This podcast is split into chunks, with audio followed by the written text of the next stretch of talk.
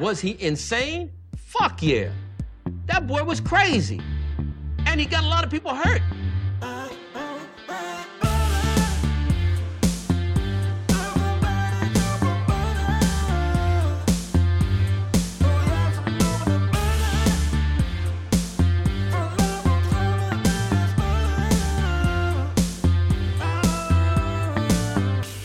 He doesn't like butter. I fucking love butter. I fucking love it. What's up, what's up, what's up, motherfuckers? Welkom bij een nieuwe aflevering van de Zonder van podcast. Een podcast waarin ik niet alleen mijn eigen tijd, maar voor ook uw hele kostbare tijd ga verdoen met het uitkramen van niks anders dan klinkklare onzin. Ik hoop dat deze podcast u treft in blakende gezondheid en in een hele motherfucking goede bui. We duiken gelijk in het nieuws, dames en heren, want er is een hoop shit gebeurd. Er is er is een hoop gebeurd, er is een hoop gedaan, er is een hoop van alles. Mm, We beginnen met de editie 28 oktober 2022 van de Leidse Dagblad. Een besluit bij de Europese Centrale Bank heeft gevolgen voor de huizenmarkt. De rente die gaat flink omhoog. Oké, dames en heren, alles gaat flink omhoog, dus uiteraard kan de rente niet achterblijven. Alles gaat omhoog, behalve onze levensverwachting. Urker vissers redden kajakker uit het kanaal. Wat blijkt, motherfuckers? Dat heb ik gisteren ook op tv gezien. Een of andere kajakker, kajakker, mensen, mensen zeggen, kajakker, maar het is een kajakker. Eh, die eh, zat dus 48 uur lang te do- dobberen op het kanaal. Niet op de kanaal, maar op de kanaal. eh, tussen Frankrijk en, en, en, en. Eh, Britain, putain. En eh 48 uur lang zat die motherfucker daar. En die zat op een boei. En eh, die heeft daar gewoon letterlijk de mazzel van zijn fucking motherfucking leven. Dat hij daar een paar Urker vissers tegenkwamen. Die net toevallig even eh, niet aan het vissen waren. Maar gewoon even een checkie aan het roken waren op het eh, dek. Noemen we dat het dek? Of op het eh kombuis? Of weet ik veel waar die motherfuckers hun... eh, naar, naar ehm, dat zich eh, filosofisch lopen te doen en voor zich gaan lopen te kijken. Oké, dat slaat fijn, maar dat maakt helemaal geen moer uit. En toen zagen ze hem, eh, toen zagen ze hem chillen daar. Ze, yo! Eh, wat, wat goed doet er naar? Toen zei, die Engelsman van, wat? Ik versta jullie niet. Ze zei, we praten Nederlands. Ze zei, nee, jullie praten geen Nederlands, motherfucker. Wat is dat fucking shit?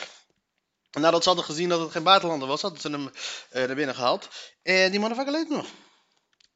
Een heroïsche daad van een groep vissers van Urk.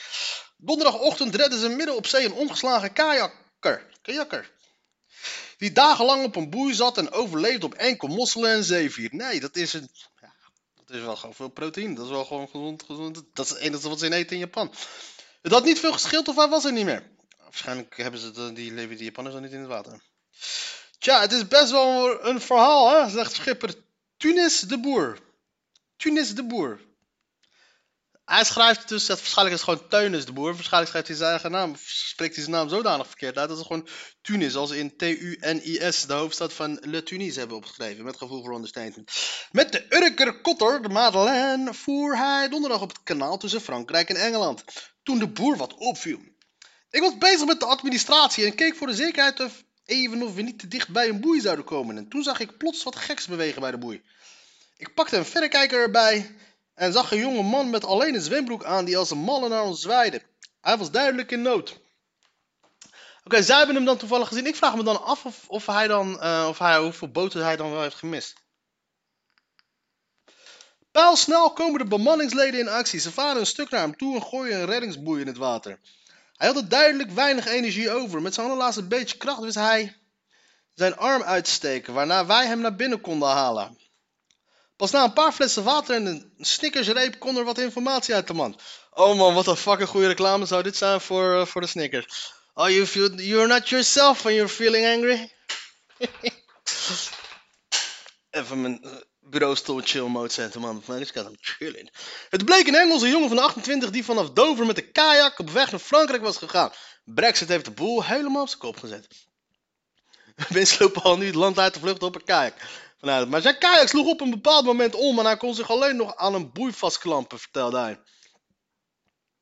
De man vertelde daar dagenlang te hebben gezeten, met alleen krabbetjes, zeevier en mosselen als eten. Hij oogde wel wat voor. Nee, maar dat best wel lijf dat hij de dag gewoon heeft, een beetje heeft lopen vissen. Want hoe heeft hij die mosselen eruit gehaald? Dan kwamen die gewoon toevallig langs of zo? Of dat hij ze gewoon. Of is hij gaan duiken naar, naar, de, naar de bodem en daar weer naar boven gegaan? Hij oogde wel wat verward. Ja, sowieso ben je al verward dat je dat gaat lopen doen, ja. Dus laat staan als je gewoon al verward bent van nature en daarna 48 uur lang alleen maar fucking mosselen en zeewier hebt lopen smoken. Eh, reken maar dat je niet kunt slapen op zo'n boei. Zeker niet met het ruige weer van de afgelopen dagen. Het is een wonder dat hij het heeft overleefd. Het, het is bijna een jongensboek. De drenkeling zit vol blauwe plekken, heeft zijn ogen heel diep in zijn kassen en is uitgedroogd. Uitgemergeld en zwaar onderkoeld. Mensen denken dan dat je iemand snel onder de warme douche moet zetten, maar dat is helemaal onjuist. Je moet iemand op, zo'n, op een zo natuurlijke mogelijke wijze weer opwarmen, vertelt de boer die nog steeds op zee is. Dat werd ons geleerd op Scarly juist voor dit soort situaties. Helikopter. Nadat ze dekens om hem heen hebben geslagen, bellen ze de Franse kustwacht, die een helikopter stuurt om de drenkeling naar het ziekenhuis te brengen.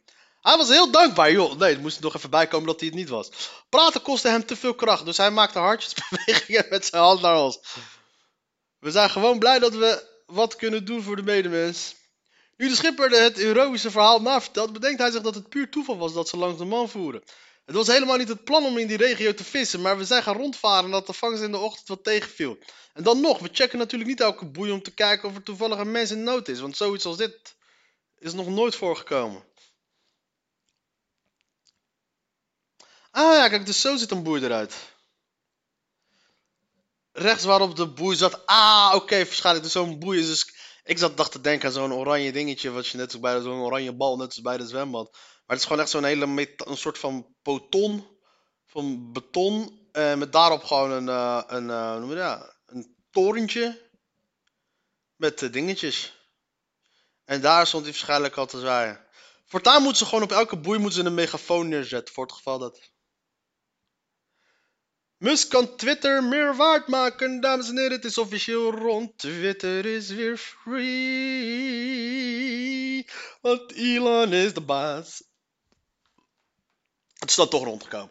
Het lijkt dan toch echt te gaan gebeuren. Elon Musk wil de Twitter-deal vandaag afronden.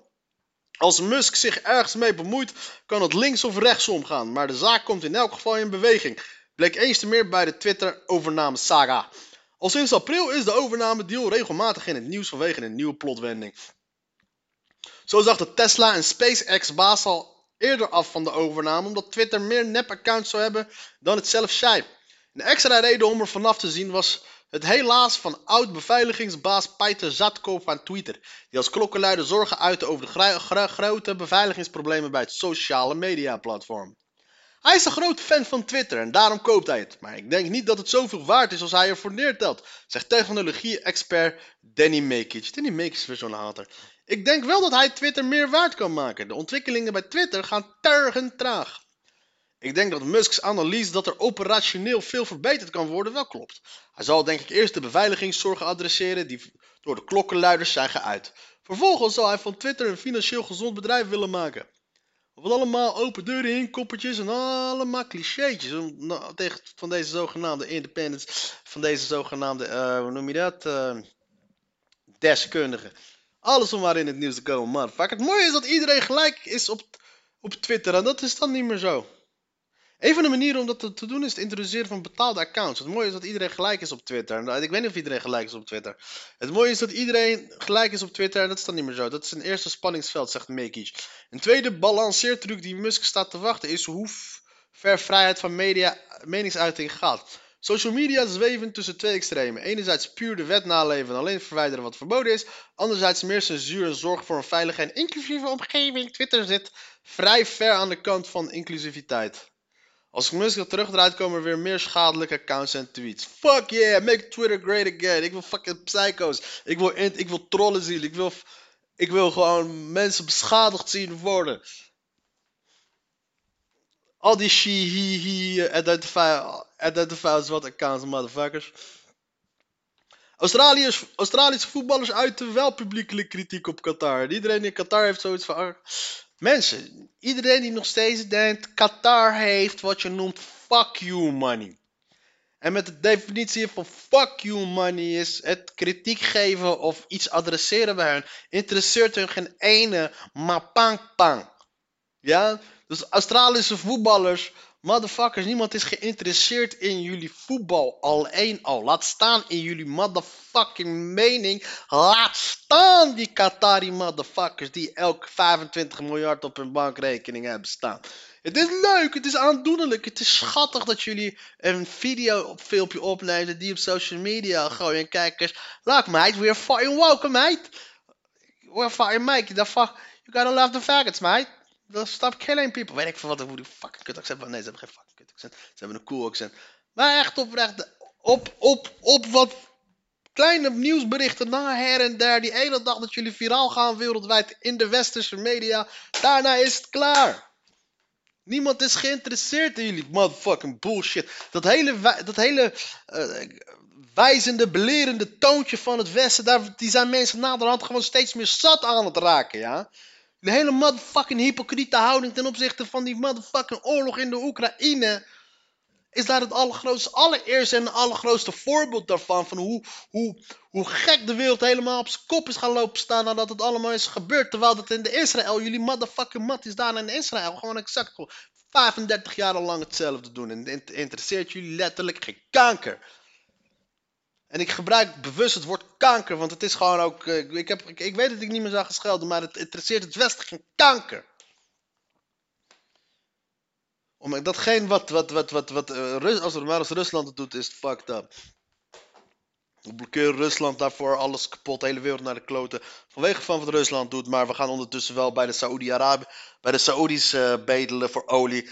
Maar ja, maar die vermoorden alleen maar Jemenieten. Dat zijn, dat zijn zwarte moslims. Who gives a motherfucking fuck kanker op met jullie kankerbelerende, kankerhooghartige, bedweterige, hypocriete kankerbullshit. Niemand zit daar meer op te wachten. Ga voetballen en je fucking bek dicht houden. Australische voetballers uiten wel publiekelijke kritiek op. Who gives a fuck? Niemand geeft de tyfus. Uitwater Nord Stream gaat lekkages onderzoeken. Hij moet zijn moeder onderzoeken. Het we allemaal weten dat de Amerikanen het hebben gedaan. Waarom zou de Russen het moeten doen? Waarom zou Europa het moeten doen? De Amerikanen hebben het gedaan. Uiteraard.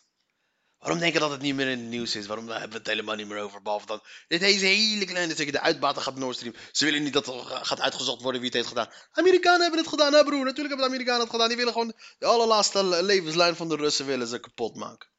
Kunstwereld haalt adem in na actie bij meisje met de parel. Uiteraard, we hebben boog gehad, we hebben van alles gehad. Het is alleen nog maar wachten tot de eerste motherfucker een zelfmoordaanslag gaat plegen bij de, uh, bij de nachtwacht. Dat zou een motherfucking epische, epische plaatje zijn. Uh, een zelfmoordactie die zich gewoon stort op de nachtwacht en zichzelf uit elkaar laat knallen. En eh. Deze motherfucker heeft dus gewoon zijn kale kop heeft hij vastgeluid aan een glas. Dat is zo toch gezegd, man. Doe even normaal. Zulke incidenten komen in Nederland zelden voor. Leerlingen en docenten middelbare school Oscar Romero ontdaan aan steekpartij. Het heftige steekje denkt van het Tabor College Oscar Romero heeft grote indruk gemaakt op docenten en leerlingen. Woensdagmiddag raakte 14-jarige leerling van de Hoornse middelbare school zwaar gewond. Ja, ja, mensen, soms moet je motherfuckers juken, breedje. Sommige mensen hebben praatjes, sommige mensen doen stoer. Soms moet je mensen gewoon gaan juken. Juk, juk, zijn moeder, juk, juk, zijn vader, juk, juk, ze allemaal. En dan gaan we even verder. Fatale ademnood bij mix oxycodon en antidepressieven. Nou, mensen die uh, al zo zwaar antidepressief zijn dat ze zelfmoord uh, overwegen. Nou, het, heel veel van datgene wat het hoort te helpen te voorkomen, maakt je dood. Dus doe dat. Bij deze dit heb. Famke Louise is bij de behandeling van het hoger beroep van haar zaak tegen roddelpraat geëmotioneerd geraakt.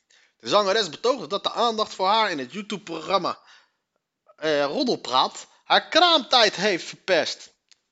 Ik was net twee weken eerder bevallen en toen kreeg ik dit allemaal over me heen, zei de artiest in het gerechtshof in Amsterdam. De zaak draait om een uitzending van Roddelpraat waarin de mannen achter het kanaal Jan Roos en Dennis Schouten begin dit jaar een niet uitgebrachte nummer van Famke Louise lieten horen. Ook suggereerden ze dat de zangeres in het liedje zegt dat ze is misbruikt door haar voormalige manager Ali B.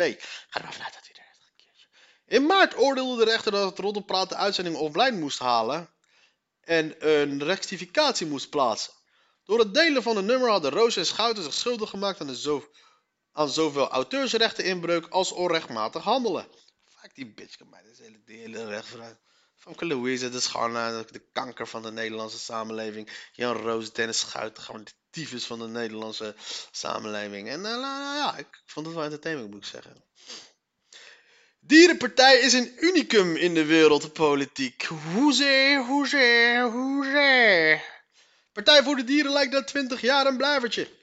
De Partij voor de Dieren bestaat 20 jaar, maar terwijl in ons land de Dierenwelzijnspartij met 6 zetels in het parlement zit, zijn er ook moderne landen als Japan die niet eens erkennen dat dieren plezier of pijn kunnen voelen. Fuck no. Wat maakt de Nederlanders het lot van de dieren zo aan het hart gaat en is het geheim van het PVDD-succes? Omdat onze bedweterige, leergierige, belerende, kut, irritante, arrogante manier van denken zowel links als rechts als links opgaat, dames en heren. Ik heb een uh, uh, betrouwbare bron is een hele interessante podcast die ik van de week had geluisterd en die ging specifiek over de belerende karakter van de Hollander. Ik adviseer alles en iedereen om die te gaan luisteren. En uh, nadat jullie naar mij hebben geluisterd. Wat de fuck heb ik van dit geluid? Stilte verstorm in het Bethlehem van fascisme. Wat een super vette naam. In Predapeo, het geboorteplaatsje van de fascistische dictator Benito Mussolini, is het stilte voor de storm. De antifascistische partizanenvereniging ANPI houdt vanmiddag een demonstratie in het plaatsje waarmee de bevrijding van Predapeo van het fascisme wordt herdacht, die op 28 oktober 1944 zal hebben plaatsgevonden. Maar op zondag wordt een nog veel grotere demonstratie van nostalgische fascistische verwacht. Dan zijn er dus veel meer. Zij zullen de Mars naar Rome herdenken, die vandaag precies 100 jaar geleden begon. Mussolini's zwarte hemden stroomden op 28 oktober 1922 van verschillende kanten naar Rome. De toenmalige Italiaanse koning Victor Emanuele Trece verzette zich niet en benoemde op 30 oktober Mussolini tot premier. Daarmee was het eerste fascistische regime van Europa geboren. Robert, Roberto Canale is sinds 2019 burgemeester van Predapil. Verwacht en hoopt niet dat er komende dagen botsingen tussen fascisten en antifascisten komen. Je gaat er maar even net van wel. Wat zullen dat dan voor fucking fascisten zijn als ze nog eens overgaan tot geweld? Hij werkt in een opvallend mooi gebouw, Palazzo Varano, waar, waar Mussolini ooit als kind woonde. In het gebouw waar nu het gemeentehuis is, was ooit de school van de moeder van Mussolini onderwijzeres was. Onderwijzers trokken toen in bij de school waar ze werkten. Misschien komen enkele nostalgische fascisten een demonstratie van ANPI verstoren. Maar de, de optochten zijn expres op verschillende dagen georganiseerd. Even verwachten dat er ook voldoende controle is, aldus Canali. Volgens de politie komen vanmiddag tussen de 700 en de 1000 actie, 1000 actievoerders voor de demonstratie van de ANPI en enkele duizenden fascisten op zondag. Die laatste wordt dus veel groter. Er, worden veel 100 jaar, er, wordt, er wordt veel over de 100-jarige herdenking gesproken. En ze komen ieder jaar al hier, dus ze zijn het gewend. Canali is zelfs de eerste burgemeester sinds eind Tweede Wereldoorlog die niet links is. Zoals hij zelf zegt. Hij werd bij de verkiezingen gesteund door de rechtse partijen, maar hij is zelf geen lid van een politieke partij. Ook komen er, van zwarthemden zijn ook komen er vaak zwarthemden zijn plaatsje bezoek voor hem is het verleden tijd. Er zijn alleen bij oudere mensen nog levendige herinneringen aan het fascisme. Ik, ik merk niks van actualiteit van het fascistische gedachtegoed bij de mensen om me heen. He's lying. Al die zwarthemden komen van buiten, predapel. Ik heb zelf geen contact met nostalgische fascisten. He's lying. Alleen de familie van Mussolini heeft wel eens een contact met mij opgenomen. Maar hier in Predapio moet je, moet je ze verder met een lantaarn zoeken. En hoe later de mensen geboren worden, hoe groter de afstand wordt van die historische periode. Zie je? Historische periode, zie je? Hij noemt het nog eens een verschrikkelijke periode, nog eens een historische periode. Hij noemt het een, een smiddag. Als iemand Predapio goed kent, is het wel Sabrina die zich namens de gemeente met toerisme bezighoudt. Ze toont het huis waar in 1883 Mussolini werd geboren. En het is een museum geworden dat toont hoe Mussolini zijn geboorte radicaal veranderde. De belangrijkste architecten. Het is altijd moeilijk, weet je, of het een Spaanstalig accent is, of een Italiaans accent, of gewoon een, helemaal geen accent. De belangrijkste architecten van toen maakten er een hele nieuwe plaats van. Was volgens Mussolini immers het Bethlehem van het fascisme. Wow, dat is wel. Oh, hij is fucking. Oh, hij heeft hoog zijn bol. Nee. toont enthousiast alle gebouwen die tijdens de periode van het fascisme zijn gebouwd. Daarvoor bezonden er slechts enkele huizen, maar ze weigert een souvenirwinkel binnen te gaan waar allemaal afbeeldingen en bustes van Mussolini zijn shirt met slogans van het fascisme te koop te zijn. De verkoopster weigert permanent met de journalist te spreken. Het graf van Mussolini, dat door de familie werd beheerd, is op de begraaf... Nou, zeg het nog een keer, eh, meneer de burgemeester, je moet ze met een... eh, je moet ze met een lantaarn zoeken, zei je toch? Maar eh, je moet ze echt met de lantaarn zoeken. Dat zegt hij dan voor die fucking... eh. Het zou me niks verbazen als hij tijdens deze hele interview gewoon zelf iets, iets, iets Mussolini's aan had. Wat de motherfucker ook. Het graf van Mussolini, dat door de familie wordt beheerd, is op de begraafplaats aan het einde van het, van het dorp. Zondag zal het er druk worden met zwarte hemden. Nu zijn er twee mensen die er toezicht houden. Een man uit Rome is speciaal gekomen om het graf te bezoeken. Mussolini is ontzettend belangrijk voor Italië geweest, hè? Zegt hij als de begraafplaats verlaat. Hij heeft een fouten gemaakt wat iedereen de mij kan overkomen. Maar hij heeft ook veel goed gedaan, wat nu vergeten wordt, meent hij. Nou, wat, wat heeft hij gedaan? Wat voor goeds heeft Benito Mussolini nou in godsnaam gedaan? Hij heeft, Italië heeft hij gewoon zo gigantisch voor schut gezet tijdens de Tweede Wereldoorlog. Omdat ze letterlijk alles wat ze probeerden, van hun info in, Griekenland, van de eh, inval van Noord-Afrika, hebben ze helemaal lopen, een inval in Roemenië volgens mij zelfs, helemaal hebben lopen verkloten, helemaal hebben lopen verneuken. En waardoor dus telkens Hitler, die bezig was met een serieuze oorlog aan zowel de oostkant als zowel de westkant, die letterlijk in zijn eentje gewoon drie wereldmachten bezig hield. Vier, vijf wereldmachten bezig hield. En zit hij daar in zijn buik, zit die motherfucking Mussolini, loopt even te kloten. Continu maar zeggen, kun je eens even helpen? Ik heb issues. Godverdomme, Adolf Hitler. dacht maar zo. Ik had het letterlijk gewoon te doen bij het lezen van die geschiedenisboeken met die arme Adolf Hitler, die letterlijk gewoon zoiets had van, fuck, heb je die maar pam pam Benito Mussolini meer. Godverdomme, lukt het je nog ineens om een paar fucking tzatziki vreters in de pan te hakken of een paar niggertjes daar in het. Ik, ik, ik, eh, praat alleen zoals Adolf Hitler zou praten. Je bent vieze, vale spaghetti vreter dat je bent.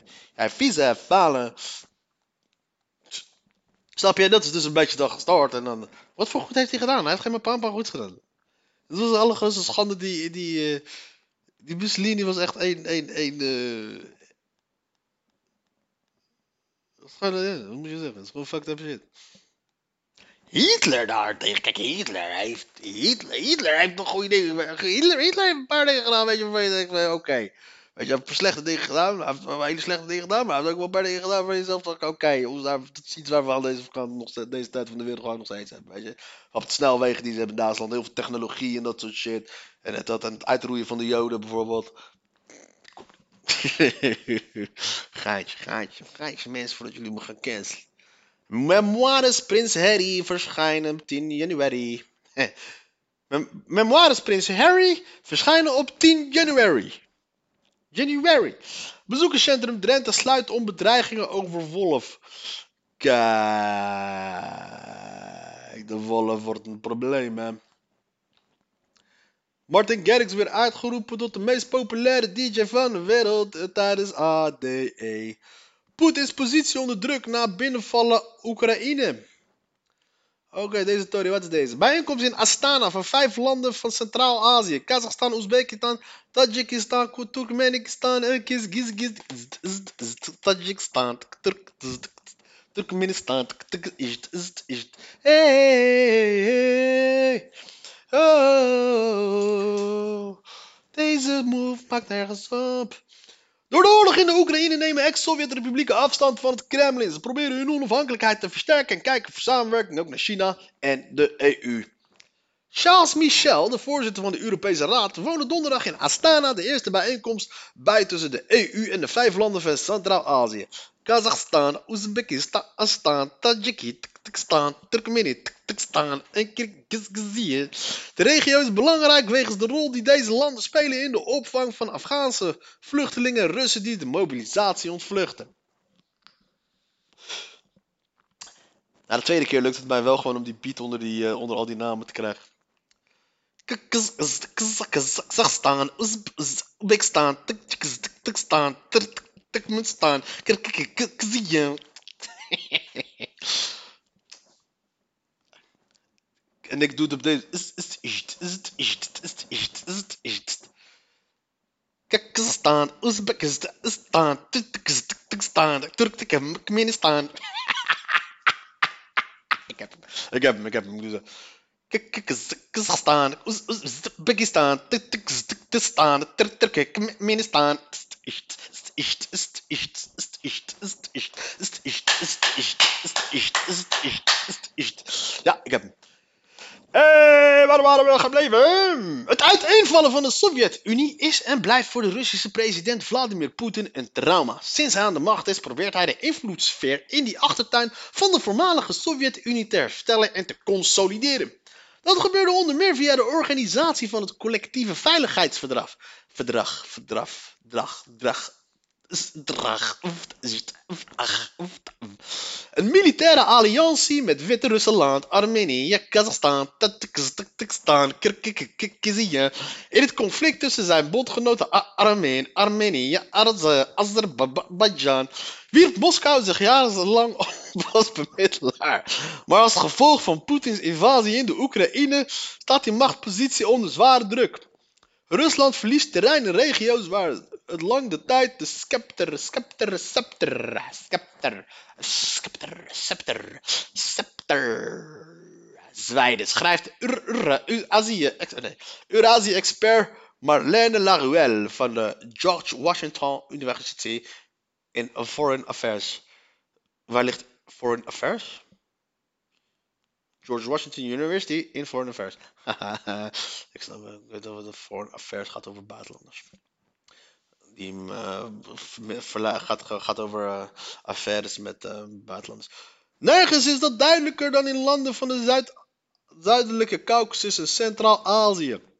De brede regio ten zuiden van Rusland lijkt wel een tektonische verschuiving mee te maken. Weg van Rusland. Het gebeurt niet vaak dat Poetin de mantel wordt uitgeveegd. Een week geleden tijdens een top in Kazachstan kon hij zich moeilijk een houding geven toen de president van Tajikistan, Emomali Rahmon, meer respect eiste van Moskou. Ik woonde de bijeenkomst bij in de kamer toen, in, in de, bij in de kamer toen de Sovjet-Unie bij in elkaar stortte. Net als toen wordt er niet genoeg aandacht besteed aan de kleine republieken. Zijn tirade duurde een zevental muziek en hadden minuten en had mogelijk ermee te maken dat Moskou niet of nauwelijks tussen beiden kwam tussen hen in september tot een grensconflict tussen Tajikistan en Kirgizië. Twee leden van de CSTO.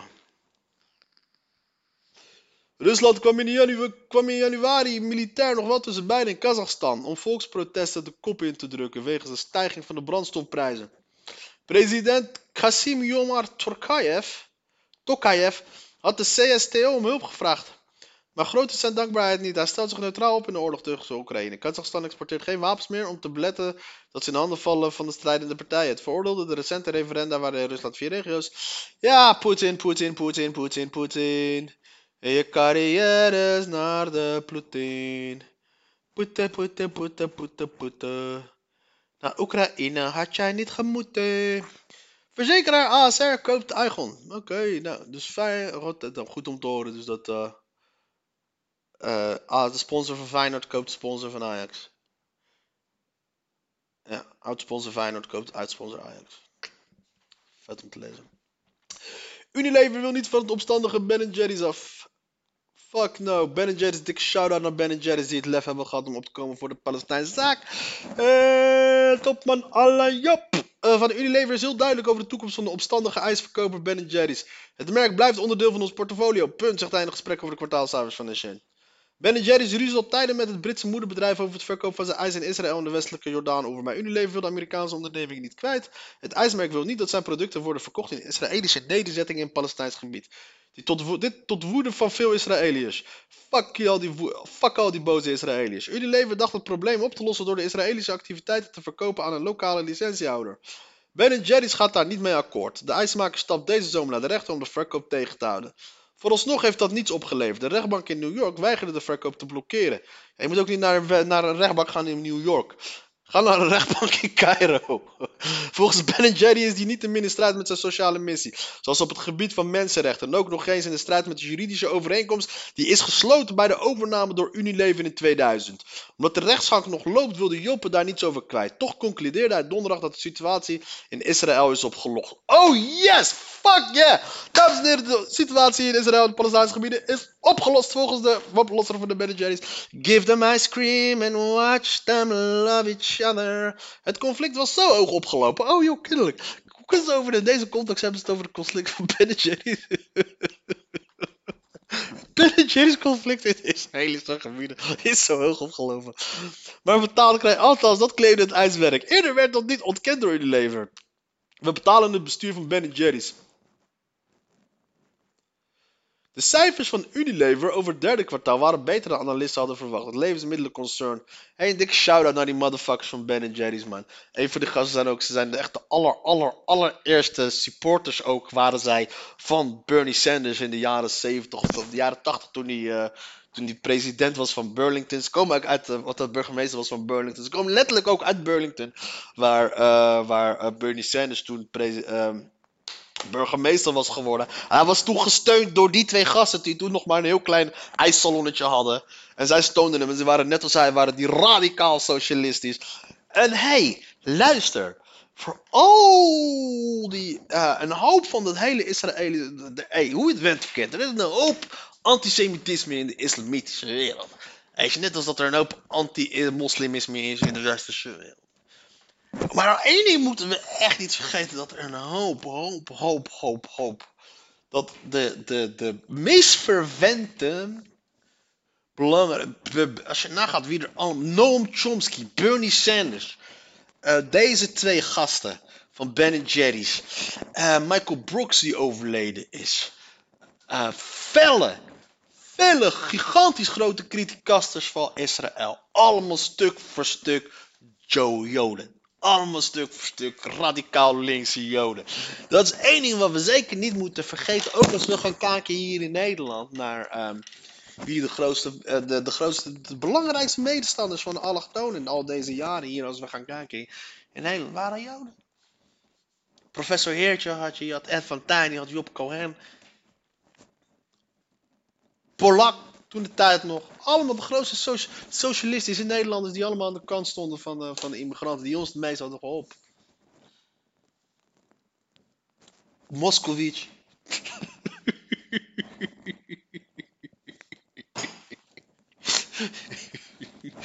Oké, eh, Magneet krijgt tweede leven. Mediabedrijven samenstroom maken. Ik maak er een feestje van. Ruben Nicolai heeft verrassing in petto voor de Big Show.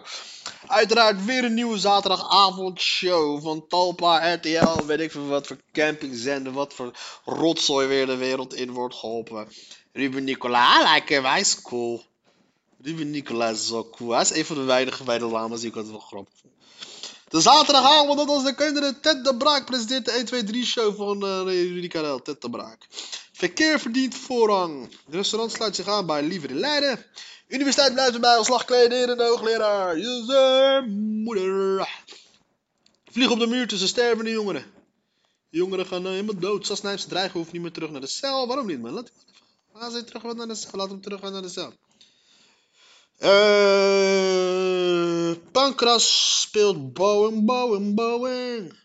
Must be showing in the rich world. FC Lisse. Sporthal en clubaccommodatie Lisse. FC Lisse heeft weer een gigantisch vet. Uh,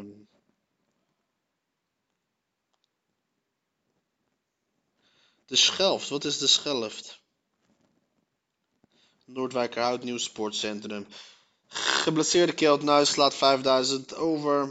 Deceptie voor Feyenoord en blessuretijd. Ja, de deceptie. Kijk. De Feyenoord kent geen deceptie in blessuretijd. Deceptie is Feyenoord is de deceptie al mijn hele motherfucking leven al. Is Feyenoord al mijn deceptie. Dus laten we even. Uh, laten we elkaar gemietjes noemen. Hè? Zoals die flinker van een Paul Hane laatst zei tegen Anwar Diba. Dikke shout-out naar Anwar Diba. Uh, ja, dat ik ervan maken, dames en heren, als je nu nog steeds aan het luisteren bent. Uh, ik wil je daarvoor heel erg bedanken, maar ik moet je toch wel adviseren om wat beter te gaan doen met je leven. Want dit is en blijft namelijk wel gewoon nog steeds zonde van je tijd. De